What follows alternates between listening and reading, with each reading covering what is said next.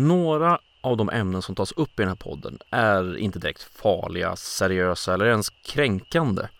Det är mestadels konstiga idéer, men inte så mycket mer. Å andra sidan, en del av de här teorierna är faktiskt farliga, skadliga och hatiska. De kan vara de svartaste, djupaste och vidrigaste teorierna, som till exempel förneka förintelsen. Det kan vara aidsförnekelse och det kan vara teorier som ger sig på oskyldiga i tron om att de ligger bakom hemska övergrepp. Dagens program, ja, det kommer titta på ett av de sistnämnda teorierna. Eller rättare sagt strömningar. Och jag vill redan nu varna för att det här avsnittet kan vara lite obehagligt att lyssna på. För idag ska vi ta och titta på den vanligaste förekommande teorin efter varje typ av massskjutning i USA i dessa dagar. Det så kallade false flag-påståendet, det vill säga att någon annan iscensatt en skjutning för att främja sina politiska mål.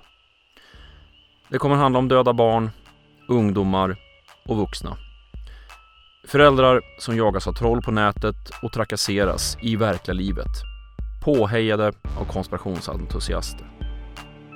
Jag heter C. Åkerberg och ni ska vara välkomna till detta lite mörkare än vanliga avsnitt av Kvalificerat Hemligt. Denna gång om skjutningarna vid Sandy Hook, Parkland High School och musikfestivalen i Las Vegas samt påståendena om att de här skjutningarna skulle varit iscensatta eller fejkade.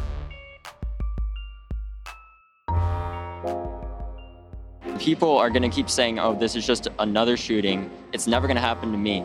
But what happens is when you don't take action, things like this eventually will happen to you. And that's not acceptable. And that's why I call on people to stand up, talk to their congressman, talk to people, and don't stop fighting because children will continue to die if we don't take a stand now. Pecan 911, what's the location of the Hi. emergency? Sandy Hook School. I think there's somebody shooting in here. Sandy Hook School. Okay, what makes you think that? Because somebody's got a gun. I saw a glimpse of somebody. They're running down the hallway. Okay. They're still running. They're still shooting. Sandy Hook School, please. And, and I understand you're standing up for the NRA, and I understand that's what you're supposed to do. But you just told this group of people that you are standing up for them. You're not standing up for them until you say, I want less weapons. And some of the conspiracy theories that came out early on was that I never even attended uh, Noah's funeral because there were no photos or video of me in this reality show for conspiracy theorists. Parkland was recently voted the best school system in the country by Forbes magazine. Being a resident gets you into these A rated public schools with only the cost of your property taxes. Can you think of a better place to live?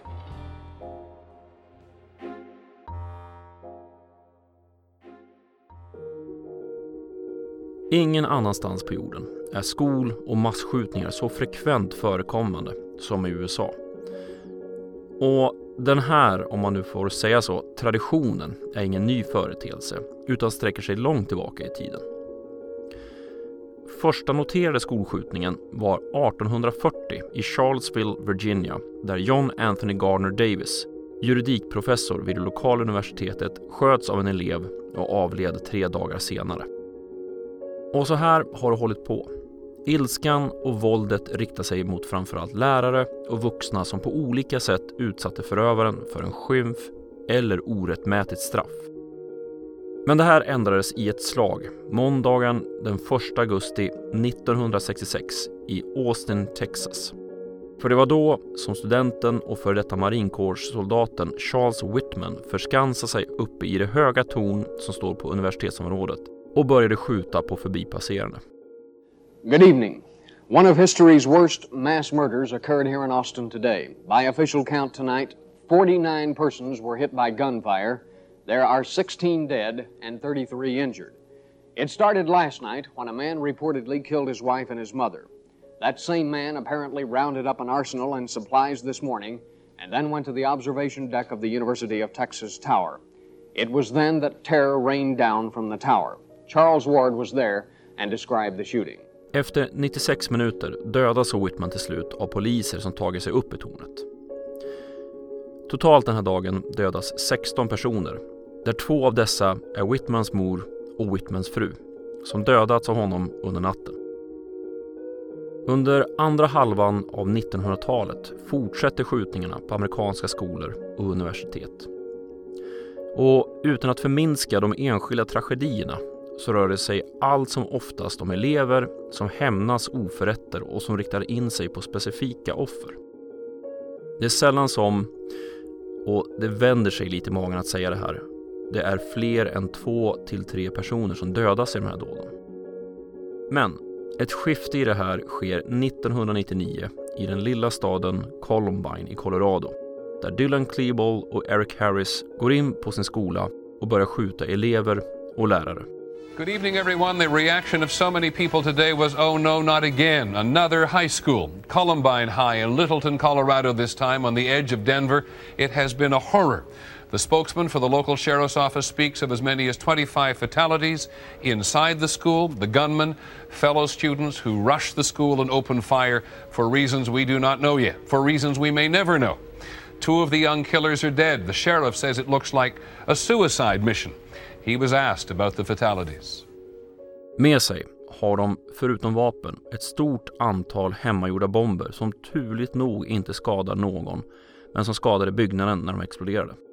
När mördarna till slut väljer att rikta sina vapen mot sig själva har totalt 13 personer, 12 elever och en lärare, dödats. Skolskjutningen i Columbine kom att bli den värsta skolskjutningen i USAs historia vid den här tiden. Men det makabra rekordet skulle inte hålla i sig.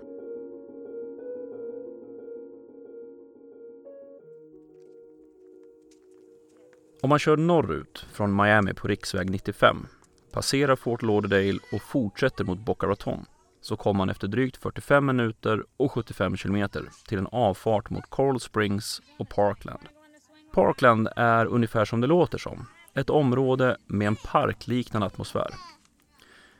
Staden hade inga affärer eller trafikljus fram till 90-talet och med en befolkning på drygt 23 000 personer kan det räknas som en småstad i amerikanska mått mätt. Går man in på till exempel Google Maps och skriver in 5901 Pine Island Road, en av stadens skolors adress, och tittar på bilder från marknivå är det kanske inget märkvärdigt man ser. Men sen börjar man se saker. Detaljer som sitter på staketet till det high school som ligger på adressen. Banderoll efter banderoll som sänder sina tankar, böner och kärlek till skolan. Det här, ja, det är Stoneman Douglas High School. En skola som blev känd över hela världen i februari 2018 på grund av ytterligare en i raden av skolskjutningar. Men tyvärr bär händelsen ytterligare en markör. Skjutningen blev fram till, i alla fall idag, den skolskjutning i USA med flest dödsoffer. Men låt oss vänta med detaljerna kring den här skjutningen och vi backar tillbaka några år i tiden. Niklas Jacob Cruz hade en brokig uppväxt.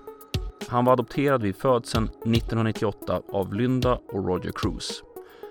Och ganska tidigt uppdagades det att han hade inlärningssvårigheter. Från mellanstadiet fram till 2017 bytte han skola sex gånger. En av dessa skolor var just en specialskola för elever med inlärningssvårigheter. Men Cruz, han skickades ut från skolan då han var hotfull mot andra elever. Och det här beteendet, ja, det följde med honom till övriga skolor. Det var så pass allvarligt att man på Parklandskolan hade informerat lärare och personal om att Cruz var förbjuden att bära ryggsäck på skolområdet just med tanke på risken för skjutningar. Så här i efterhand kan man konstatera att den här typen av varningsflaggor förekom i överflöd kring Cruz. Myndigheter hade diskuterat redan 2013 om han skulle tvångsomhändertas. Men man landade aldrig i ett beslut och en instans motsatte sig det här omhändertagandet. Klasskamrater flaggade för att han pratade om att skada och skjuta andra personer. Polisen fick in en stor mängd med anmälningar och tips kring Niklas Cruz. Det förekom också konkreta tips om att Cruz skulle hotat skjuta personer på sin gamla skola. Så sent som i januari 2018 fick FBI ett konkret tips om detta via en tipstelefon. Men eh, informationen gick aldrig vidare till det lokala Florida-kontoret. Trots alla de här varningsflaggorna och ingripanden från myndigheter var det inte tillräckligt för att hindra Niklas Cruz från att fullt lagligt köpa ett semiautomatiskt gevär i början av 2017. Det gevär han slutligen köpte var samma typ som användes i massskjutningarna i Las Vegas och i Sandy Hook. Under 2017 blev Cruz relegerad från Parklandskolan. Han fick dock hjälp att fortsätta studierna via en typ av komvux samtidigt som han jobbade extra i en dollarstore. På eftermiddagen den 14 februari 2018 hoppar så Niklas Cruz ur en Uber-bil vid Stoneman Douglas High School i Parkland. Med sig har han en ryggsäck och en vapenväska. Med bestämda steg går han mot en av de större skolbyggnaderna, byggnad 12, där drygt 30 klassrum återfinns. En av personalen ser Cruz komma gående och ropar in det via radio, men ingriper inte på något sätt. Väl på plats inne i skolbyggnaden aktiverar Cruz brandlarmet och när eleverna tar sig ut från klassrummen börjar så skottlossningen som kom att bli den värsta skolskjutningen i USAs historia.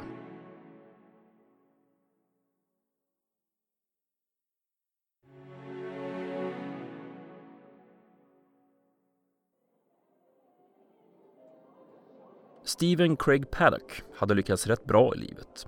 Han hade förvisso en brokig bakgrund då hans pappa var yrkeskriminell med bankrån som specialitet och var med på FBI's 10 mest eftersökta lista. Men pappan var mestadels frånvarande från familjens liv och Steven kunde ta ut en examen inom finansområdet 1977. Paddock började jobba under studietiden som brevbärare 1976 men eh, hade också under 80 och 90-talet en karriär som revisor och som mäklare.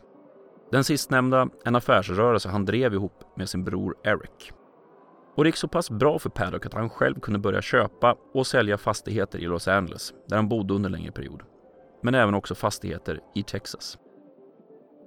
Steven Paddock verkar inte ha gjort något större avtryck bland de som jobbade med honom eller som kände honom. De flesta pratar om en eh, hygglig person som inte verkar ha varit överdrivet intresserad av vapen eller bar på aggressiva eller extremistiska idéer. Han var lite av en ensam varg som brukade åka till en karaokebar i närheten av där han och hans sambo bodde i Mesquite i Nevada, 15 mil nordöst om Las Vegas. Men en sak som Paddock ändå brann för, ja, det var pokerspel. Framförallt den virtuella varianten som kallas för video poker, som sker på apparater som ser ut som enarmade banditmaskiner. Och han var inte helt oäven på det. Pengar fanns tack vare att de investeringar Paddock gjort betalat sig rätt väl. Och han vann en del. Men han förlorade också större summor pengar med start under 2015. Och det här, ja, det kan vara en av delförklaringarna till att Paddock skulle komma att bli en massmördare. Under andra halvan av 2017 berättade personer som stött på Steven Paddock att han verkade rejält deprimerad, håglös och luktade av alkohol redan tidigt på dagarna. Det visade sig också att han hämtat ut mediciner mot just depression i omgångar mellan 2013 och 2017. Men ingen kan säga med säkerhet vad som drev Steven Paddock att ta den väg han tog. Dock vet vi att valet av Las Vegas kom först efter att både Boston och Chicago övervägt som mål. Måndag den 25 september 2017 checkar Paddock in på Mandalay Bay Hotel and Casino. Han får en svit, 32 135, på 32 våningen med fönster som vetter österut med utsikt över det område, Las Vegas Village, som senare under veckan kommer att hålla en countryfestival. Fyra dagar senare ser han till att boka det anslutande rummet, 32134, som är nåbart från Paddocks rum via en dörr mellan rummen. Även det här rummet har utsikt mot festivalen. Under den här veckan på hotellet börjar Paddock forsla in stora mängder vapen i rummen, nedpackade i tio stycken resväskor. Genom att det här görs i omgångar under veckan är det ingen som fattar några misstankar på hotellet. Och arsenalen, ja, den är omfattande. 24 stycken semiautomatiska gevär där 14 stycken är utrustade med så kallad bumpstock som gör att du kan skjuta i stort sett automateld med ett semiautomatiskt vapen. De flesta gevären var dessutom laddade med högkapacitetsmagasin med plats för 100 skott. Dessutom hade Paddock med sig en revolver och ett jaktgevär utrustat med kikarsikte. Utöver detta så preparerade Paddock rummet för den oundvikliga konfrontationen med polisen som skulle komma. Han hade med sig materiel för att blockera dörrarna, övervakningsutrustning samt rudimentärt skydd mot användning av tårgas. Kvällen den 1 oktober är Route 91 Harvest Festival snett mot Mandalay-hotellet i full gång. Countryartisten Jake Owen står på scen strax innan 10 när en säkerhetsvakt, Jesus Campos, på Mandalay får ett samtal om ett larm för en öppen dörr på våning 32. När Campos försöker komma in på våningsplanet via en accessdörr verkar den ha tjavat fast. Han tar sig runt den strulande dörren och upptäcker att någon har skruvat fast ett metallbläck i dörren som hindrar den från att öppnas. Campos ringer in detta till säkerhetscentralen när han hör något som låter som ett borrande från ett av rummen på våningsplanet. När han går för att undersöka ljudet blir han plötsligt beskjuten och träffas av ett skott i höger lår. Campos tar skydd i en alkov några rum bort och ropar in att han har blivit beskjuten. En eh, hantverkare på våningsplanet som gått upp för att fixa den blockerade dörren träffar på Campos och ringer också in en varning och begäran om att polisen ska larmas. Än idag är det fortfarande oklart när larmet från hotellet nådde polisen. Kvällens dragplåster. Jason Aldean har precis hunnit dra igång sin första sång på huvudscenen när det plötsligt börjar komma högljudda smällar och kulorna börjar hagla ner över de drygt 22 000 personerna i publiken. Polisen försöker att få folk att söka skydd när de förstår vad som sker, men eh, många uppfattar smällarna som en del av framträdandet. Men så börjar en efter en att träffas av kulor och paniken, den är total.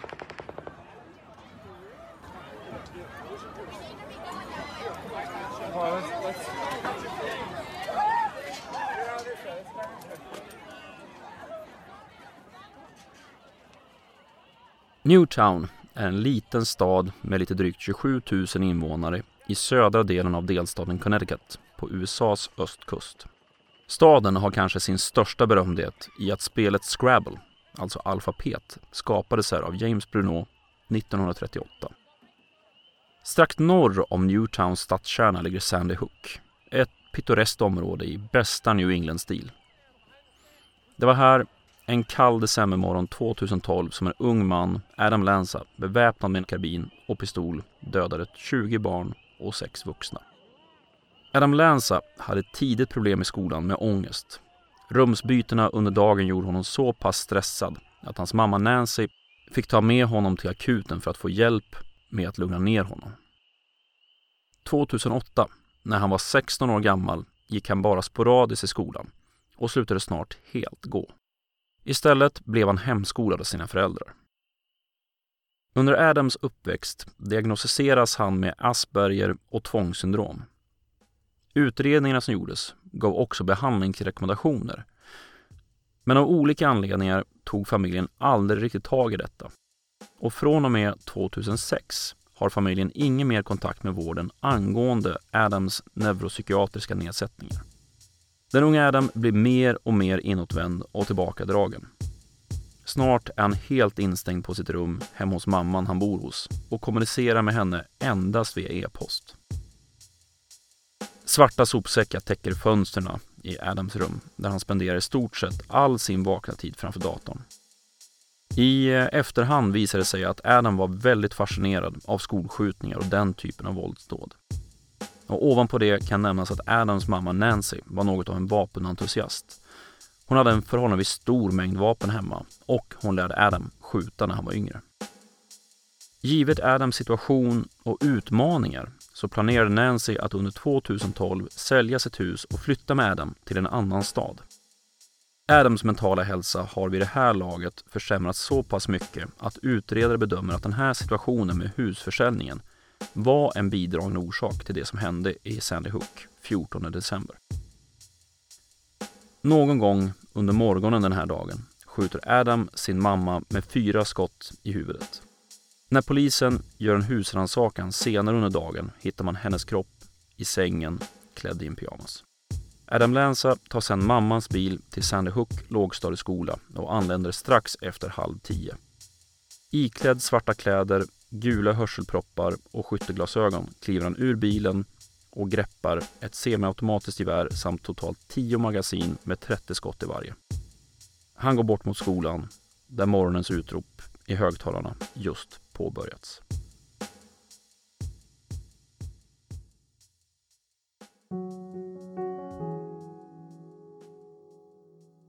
Jag tänker inte gå in på hur var och en av de här mördarna sköt sina offer eller exakt vad som hände minut för minut.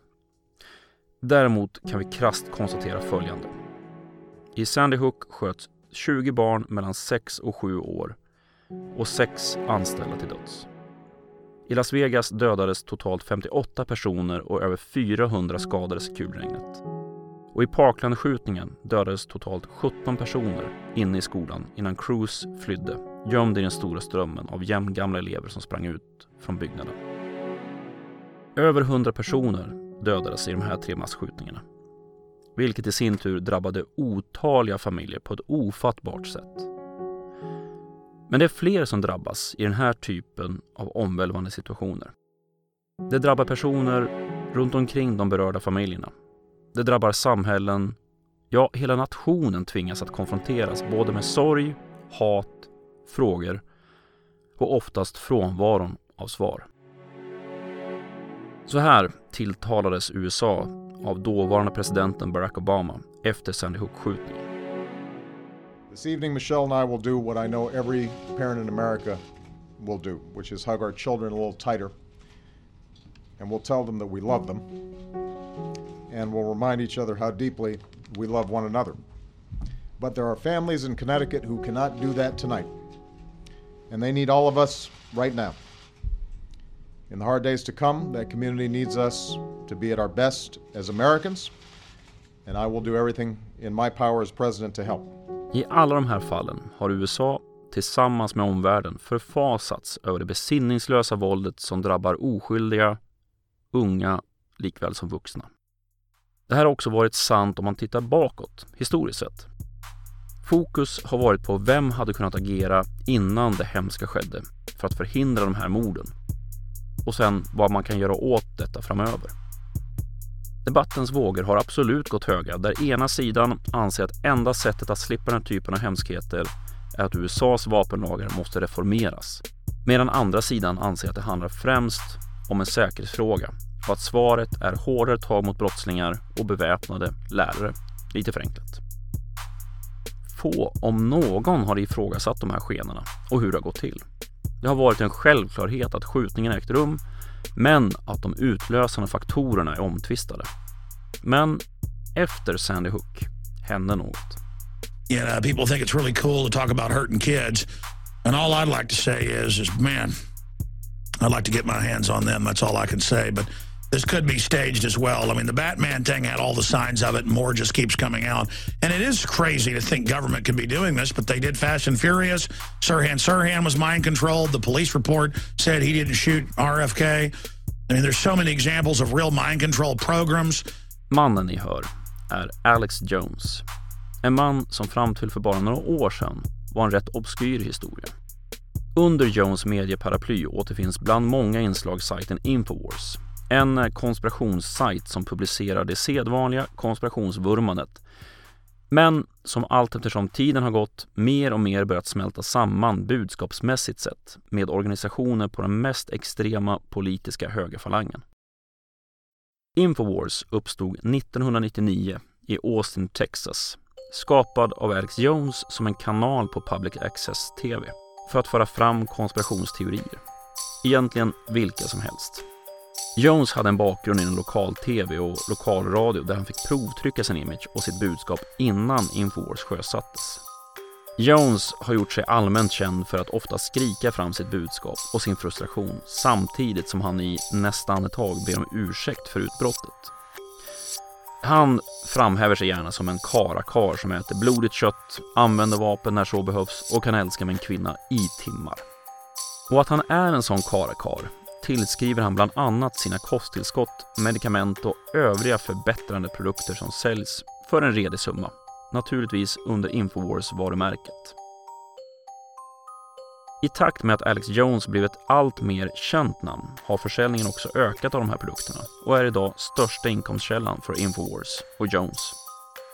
Men hur blev Alex Jones, en skrikig konspirationsentusiast, ett hushållsnamn? Hur kunde den här mannen, som tror att tillsatser i vattnet gör folk, ja till och med grodor, gay? I don't like them putting chemicals in the water that turn the friggin' frogs gay. Do you understand Hur kunde han bli så pass stor att han kunde få Donald Trumps öra under presidentvalskampanjen och tillgång till Vita husets presskonferenser efter att Trump valdes till president? Svaret ligger i 11 september-konspirationer och en intervju från 2006 med den då populära skådespelaren Charlie Sheen. I samtalet pratar Sheen och Jones om flera olika konspirationsteorier kring terrorattentatet under 11 september 2001. And so I saw, I saw the South Tower hit live. Um, that famous wide shot where it disappears behind the building, and then we see the tremendous fireball. You know, um, and there was just a, there was a feeling that uh, it just didn't look. How do I say this? Um, didn't look like a, any commercial jetliner I've flown on any time in my life. Um, Detta i sin tur gjorde att fler fick upp ögonen för Jones som person, men också hans plattform som både omfattar ett antal webbplatser, video och radio. Och under andra halvan av 00-talet växte kanalens räckvidd kraftigt till att plötsligt användas som källa och referens även av någorlunda seriösa aktörer. Jones och hans gelikar har ett ständigt återkommande antal käpphästar som man tar fram i tid och otid i alla former av diskussioner. Globalisering är en ondskefull plan iscensatt av kapitalet. Läkemedelsbolag vill hålla oss sjuka, fluor är livsfarligt och ett godtyckligt antal händelser runt om i världen är så kallade false flag-operationer. False flag-operationer är sådant som sker under en bildlig falsk flagg. Men termen har inte sitt ursprung inom konspirationsvärlden utan är ett verkligt fenomen. Särskilt inom spion och underrättelseverksamhet. Verkliga exempel på detta är till exempel Gleiwitz-incidenten där tyska säkerhetstjänsten styrde ut koncentrationslägerfångar i polska uniformer 1939 och avrättade dem som ett bevis för att polska styrkor egentligen gått in på tyskt territorium för att på så sätt motivera anfallskriget mot Polen i september.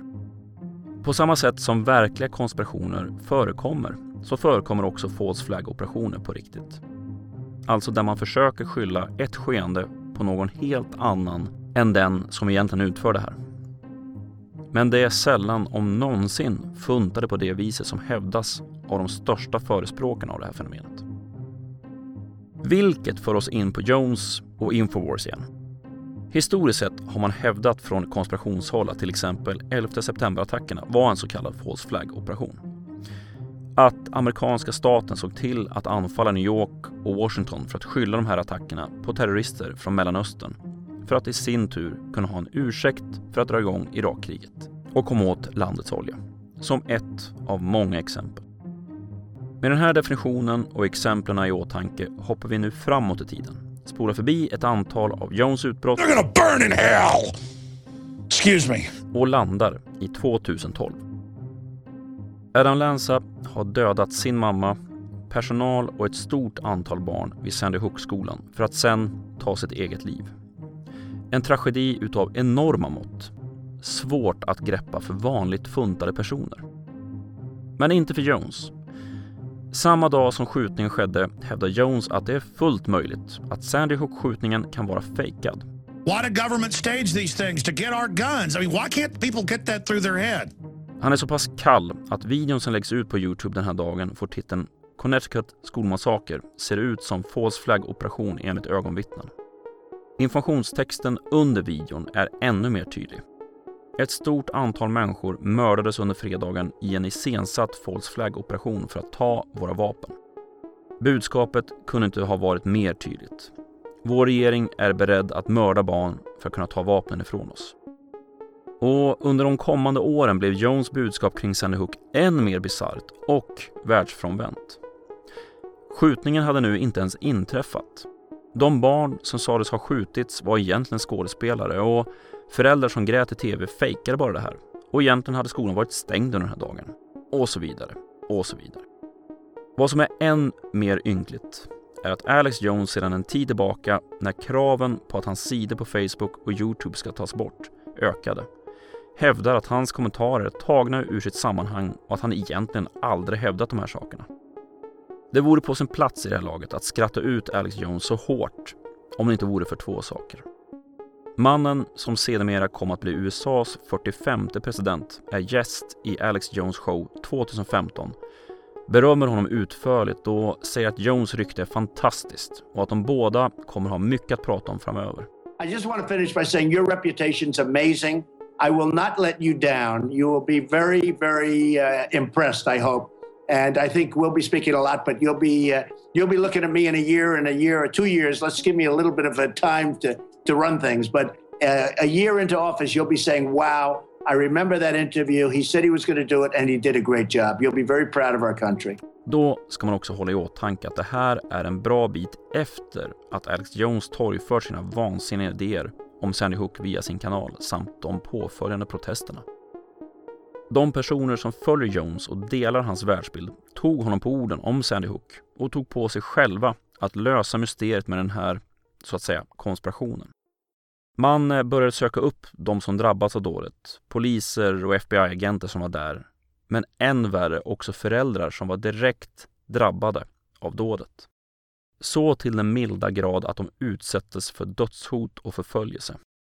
En förälder fick till exempel höra att han, för att slippa förföljelsen, skulle behöva gräva upp sitt döda barn igen för att bevisa att barnet verkligen var dött. Och det här gäller inte bara Sandy Hook. I de fall som Jones och hans gelikar anser att en false flag-operation genomförts så har följarskarorna följt Jones minsta vink och börjat ägna sig åt att förgäves försöka avslöja den påstådda konspirationen. Även i fallet med Las Vegas-skjutningen 2017 och skolskjutningen i Parkland 2018 så har överlevanden och deras familjer samt offrens familjer drabbats av hatstormar. Både online men också konkreta hot i verkliga livet. En av de överlevande från Las Vegas-skjutningen fick meddelanden som “Du är en lögnaktig skit. Jag hoppas innerligt att någon verkligen skjuter dig i huvudet” via sociala medier. Den överlevandes brott han intervjuades av Associated Press om hur han träffades av en av de många kulorna som regnade ner över festivalbesökarna. Det räckte för att aktivister skulle leta upp honom på Facebook och börja skicka hotelser i tron att han var en så att säga crisis actor eller en skådespelare som låtsas ha varit med om det här dådet. De överlevande från Parklandskolan har om möjligt haft det än värre. För skaran elever som drabbades av skolskjutningen bestämde sig för att det fick vara nog och man började kontakta politiker direkt för att få till en förändring av vapenlagarna. Det kan ju absolut inte finnas några skäl till att dessa överlevare inte vill att andra ungdomar ska behöva oroa sig för att dö i skolan. Troligare är då att de är skådespelare som låtsas ha utsatts för ett fruktansvärt brott och upplevelser få av oss kan föreställa sig. Hur bisarrt det här än är så följer detta också samma upp och nedvända logik som övrig konspirationstro. Bara för att resten av samhället och världen anser att dessa troende människor är känslokalla och direkt vidriga så innebär det ju bara att de är något på spåren. Och det faktum att bevis saknas betyder ju bara att konspirationen är så oerhört mycket mer omfattande än vad man först trodde. Det här sättet att resonera är än så länge förskansat hos konspirationstroende, fascister, nazister, kommunister och andra extrema element. Men allt eftersom bör den här typen av resonemang letas in i de bredare samhällslagren. En händelse som ser ut att vara en enskild incident är egentligen del av något mycket större och något mycket mer otäckt. Gärna med anstrykningar av främlingsfientlighet, antiglobalism eller antisemitism. Men det här är också något som utnyttjas av de som absolut inte tror på konspirationsteorierna, men som gärna ser att debatten tar en annan vändning. Som exempel kan nämnas en nyhet som dök upp bara några dagar innan det här programmet spelas in, i mars 2019. För just nu pågår ett rättsfall mot just Alex Jones som väckts av föräldrar till barnen som mördades i Sandy Hook. Ett av bevisen som framkommit under det här fallet är ett mejl från en representant från vapenlobbyorganisationen NRA National Rifle Association som skickats till en samarbetspartner till Alex Jones, Wolfgang Halbig. Där önskar NRA-representanten att Halbig och Infowars ska börja dra paralleller mellan Sandy Hook och skjutningen på Parklandskolan samt att så att säga börja ställa samma frågor om Parklandskjutningen som man gjort kring Sandy Hook. Skälet att NRA är intresserad av att öka bruset i diskussionen kring just Parkland-skjutningen kan kopplas till att eleverna på den här skolan påbörjade ett politiskt arbete med att kräva hårdare vapenlagar i efterdyningarna av det här dådet. Det politiska etablissemanget, inklusive NRA, hade svårt att tysta den här debatten på det sätt man var van vid, varpå man började pröva alternativa vägar, om man så säger. Graden av cynism här, ja, det trotsar beskrivning. Möjligen kan man se en gnutta av poetisk rättvisa i de vittnesmål som Jones måste lämna i den tidigare nämnda stämningen. Under ed får han frågor om hur han ser på Sandy Hook och hur han har kunnat påstå saker som bevisligen är helt falska. Alex Jones försvar här är, ja, ni kan höra själva. And I've, you know, I myself, you know, almost had like a form of psychosis back in the past where I basically thought everything was staged, even though I've now learned a lot of times things aren't staged. So, um, you know, I think as, as a pundit and someone giving opinion, um, that, you know, my opinions have been wrong, but they were never wrong consciously to hurt people. Men vi kan också notera att han på intet sätt går in och ursäktar sitt beteende här. Det är nästan så att man kan tro att Jones är det verkliga offret under de här omständigheterna. Och ja, de här händelserna och exemplen är alla hämtade från USA. Men tro inte för den sakens skull att vi i Sverige är skyddade från det här sättet att grumla vattnet och diskursen. Om man gör en sökning på svenska sajter efter termen false flag så är det förvisso många träffar på rena konspirationssajter som för de allra flesta framstår som hyggligt oseriösa. Ovanpå de sajterna så återfinns till exempel nazistiska Nordfront och kommunistiska Proletären, det vill säga politiska ytterlighetsrörelser i brist på bättre klumptermer. Men false flag blir allt vanligare som argument eller retorisk fråga bland de lite mer rumsrena men fortfarande SD och brunhögerkopplade sajterna som Fria Tider, Samhällsnytt och så vidare. Det här fenomenet, nej, det är knappast förvånande. Det är ett effektivt sätt att döda en debatt då det inte finns något enkelt sätt att motsäga den här typen av påståenden. Återigen, brist på bevis är egentligen bevis för en konspiration. Och tyvärr lär det inte bli bättre. Vi lär få se mer av den här typen av bortförklaringar eller grumlande av vatten när diskussioner dyker upp kring laddade ämnen även här i Sverige. För i dessa diskussioner finns det ingen vilja att föra en riktig debatt med goda intentioner. Ingen önskan om att klargöra läget, bara att erbjuda alternativa, om än falska förklaringar och störa ut diskussionen med retoriskt brus.